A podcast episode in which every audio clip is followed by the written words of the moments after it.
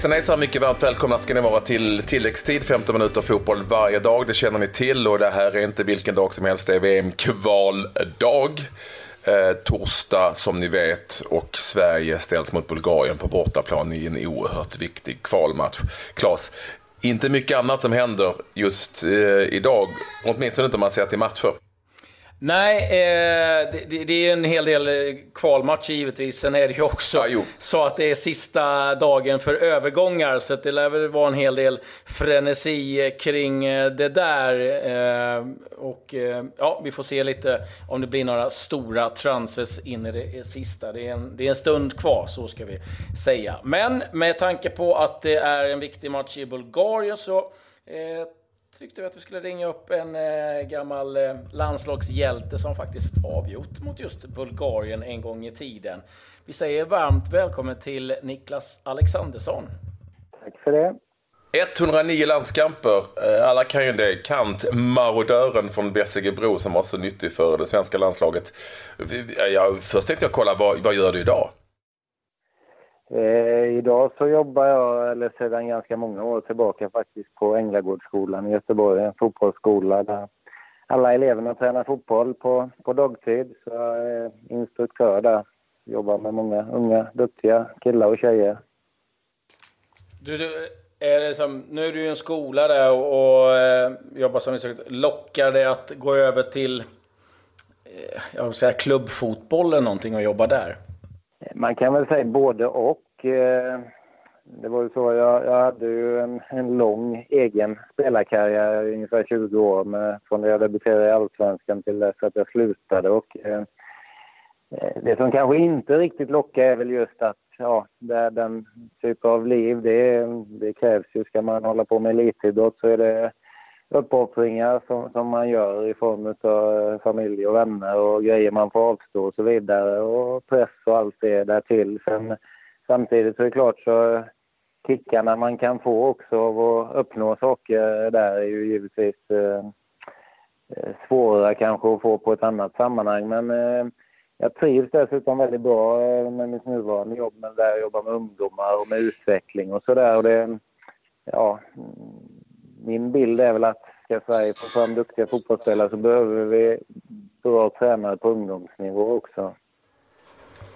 När jag ändå har det på tråden då, eh, jag har ju skrivit en del eh, om ämnet. Eh, finns det några facit när det gäller att nå framgångar i fotboll för unga killar och tjejer? Jag tror inte det finns några så exakta mallar för hur man ska bete sig. Det, Eh, det man kan konstatera är väl att det krävs träning givetvis oavsett vad man gör eh, för att bli bra på någonting. Samtidigt så, så är det ju en debatt hur tidigt ska man specialisera sig. Eh, det kan vara bra att hålla på med olika typer i så att man inte pikar för tidigt så att säga och istället tröttnar. Eh, idag är det ju ganska vanligt också att föräldrar kan vara väldigt pådrivande som kan hämma många, många barn. Att man, man vill det mer än, än barnen själva. Och det, jag, tror det, jag tror att balansen är viktig att hitta mellan tillräckligt med träning men ändå att man behåller glädjen i det man gör. För ska man bli riktigt bra på något så tror jag att glädjen måste finnas där också. Om vi vänder blickarna mot, mot landslaget, där verkar ju glädjen verkligen ha kommit tillbaka. Vad, vad har du fått för intryck av, av eh, eh landslaget och det spel sen Janne tog över?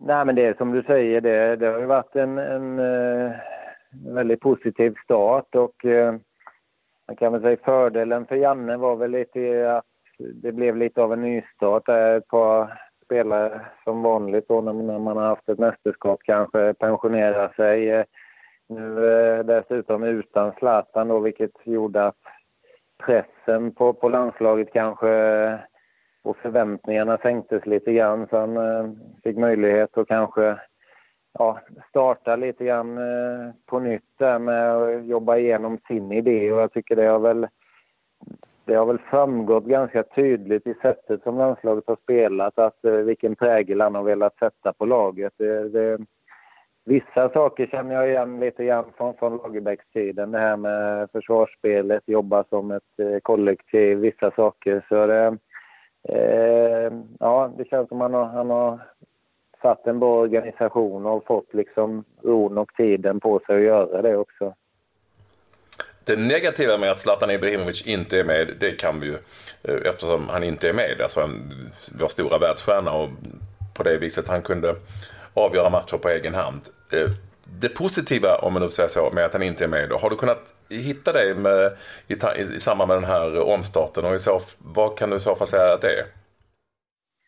Nej men det är väl just alltså det, det, det har ju pratats om eh, och alla säger väl ungefär samma sak att eh, frågar du spelare eller, eller tränare så är det klart att alla är överens om att Zlatan är den eh, största fotbollsspelaren eh, vi har haft. Eh, samtidigt så, det som, det som nämns och det jag tror också kan vara grejen är ju givetvis att när, när du har en, en eh, stark ledargestalt och en världsspelare så, så blir det att mycket ska gå genom honom givetvis. Och en del eh, ja, kan man, kan man slappnar av lite. Nu har det blivit så att nu, nu behöver andra spelare kliva fram och kanske inte bara en då utan alla behöver ta ett större ansvar för att så att säga, kompensera bortfallet av en spelare som ibland på, på, på egen hand kunde avgöra matcher. Och det är klart, eh, vi blev väl lite för beroende av det kanske att de gångerna som Zlatan hade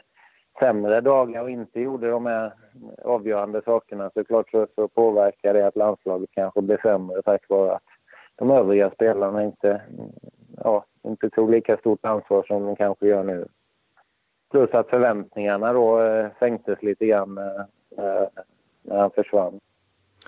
Det har ju varit snack här nu liksom, och flera av landslagsspelarna har fått frågan om det nu skulle, i och med att han har valt att förlänga med United, om han går till ett VM och han ska han komma tillbaka. Liksom, hur ser du på det? Du var ju med när, när Henrik Larsson bland annat då som ja, slutade och kom tillbaka. Liksom, hur, hur ser du på den situationen?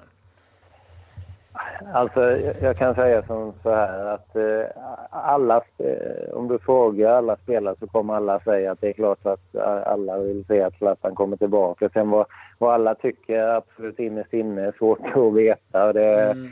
eh, oavsett vad man säger så vänds det ju åt något håll.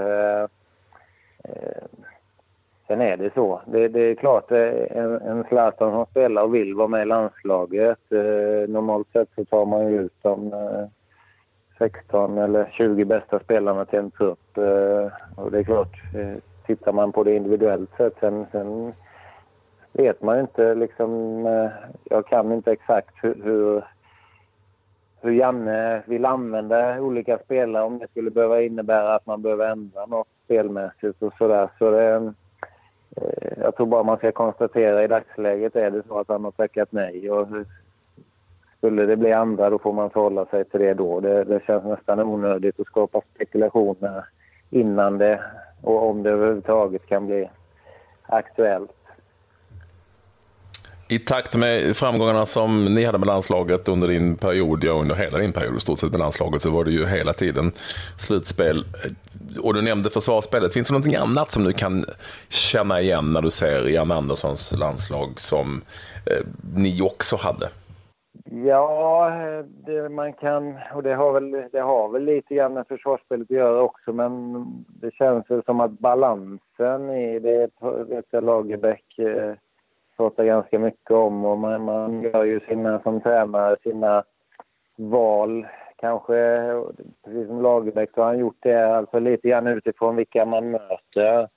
Eh, på min tid så kunde det väl bestå till exempel i att ibland när vi mötte vissa lag där vi förväntade förra spelet så kanske man spelar chippen på kanten i vissa matcher när vi mötte lag där vi kanske förväntade oss ha bollen lite mindre spelade jag på kanten. Och Eh, man har väl sett lite balans eh, på innermittfält och, liknande. Jag tror att jobba mycket mer med balans. Det har varit lite mindre fokus på det här med att vi ska, vi ska ja, spela ut varje motståndare med, med vår typ av spel. Utan man, man, man kan anpassa sig lite grann beroende på vilka man möter och balansera laget därefter. Jag tror väl att det, det är ganska viktigt för en nation av Sveriges storlek att man ja, för att få ut mesta möjliga. Man, man får acceptera att vissa, vissa stora nationer vi möter, då kan vi inte kanske förvänta oss att vi ska ha bollen mer än motståndarna. Och förväntar man sig inte det på förhand, då, då får man också ställa upp med spelare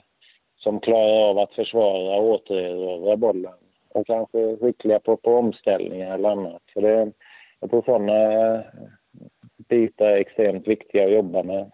Det är ju också en stor förklaring i Lagerbäcks framgångar skulle jag säga med först Sverige och sen med Island också då, att man som litet land, att man får ut mesta möjliga av spelarna och accepterar kanske att vissa, vissa andra länder har, har andra förutsättningar och bättre och fler spelare att välja mellan. Så det, det har väl varit det, det påtagliga tycker jag under Jannes tid så här långt att han har fått ut mycket av eh, truppen. Det har varit mycket prat om, om laget. Tycker du att det är liksom, av det du har sett någon spelare som du har liksom överraskats över som har tagit stora kliv?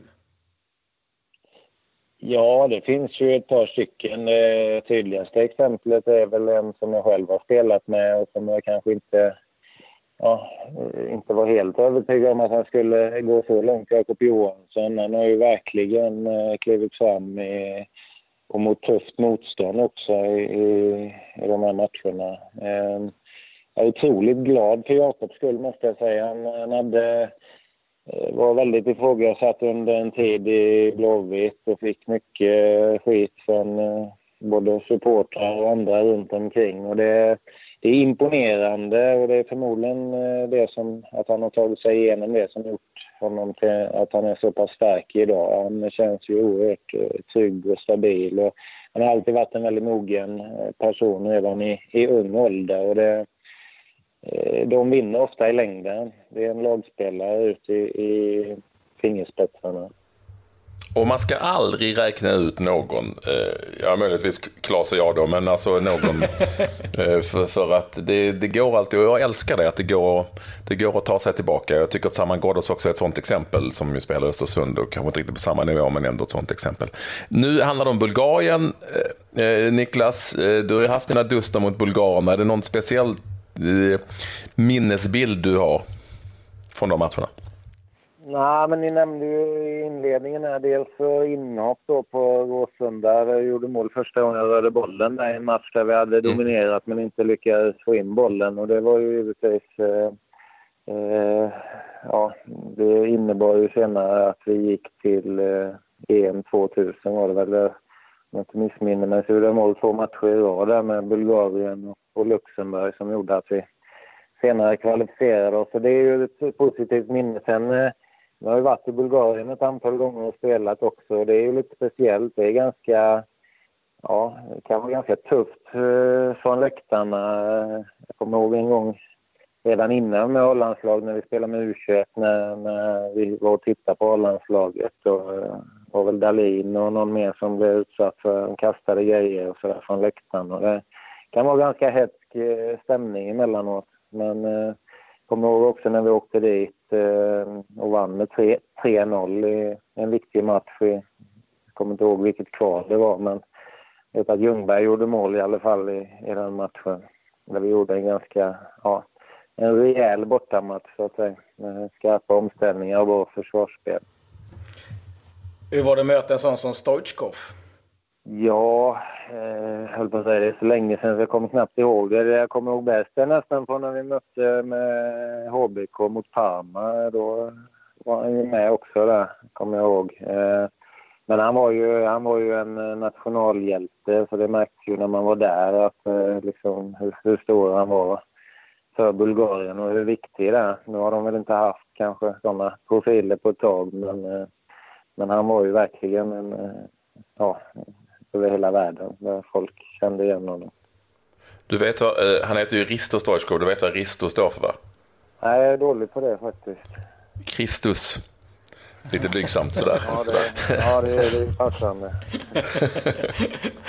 Han tog namnet efteråt. eh, du, Niklas, jag måste bara få fråga dig. Eh, jag gjorde ju Sheffield Wednesday här eh, för några eh, dagar sedan och de fyller ju 150 år här nu den 4 september. Jag vet att du blev prisad som årets lirare eh, för klubben 2000 och det är stor baluns här kommande vecka. Ska du över någonting?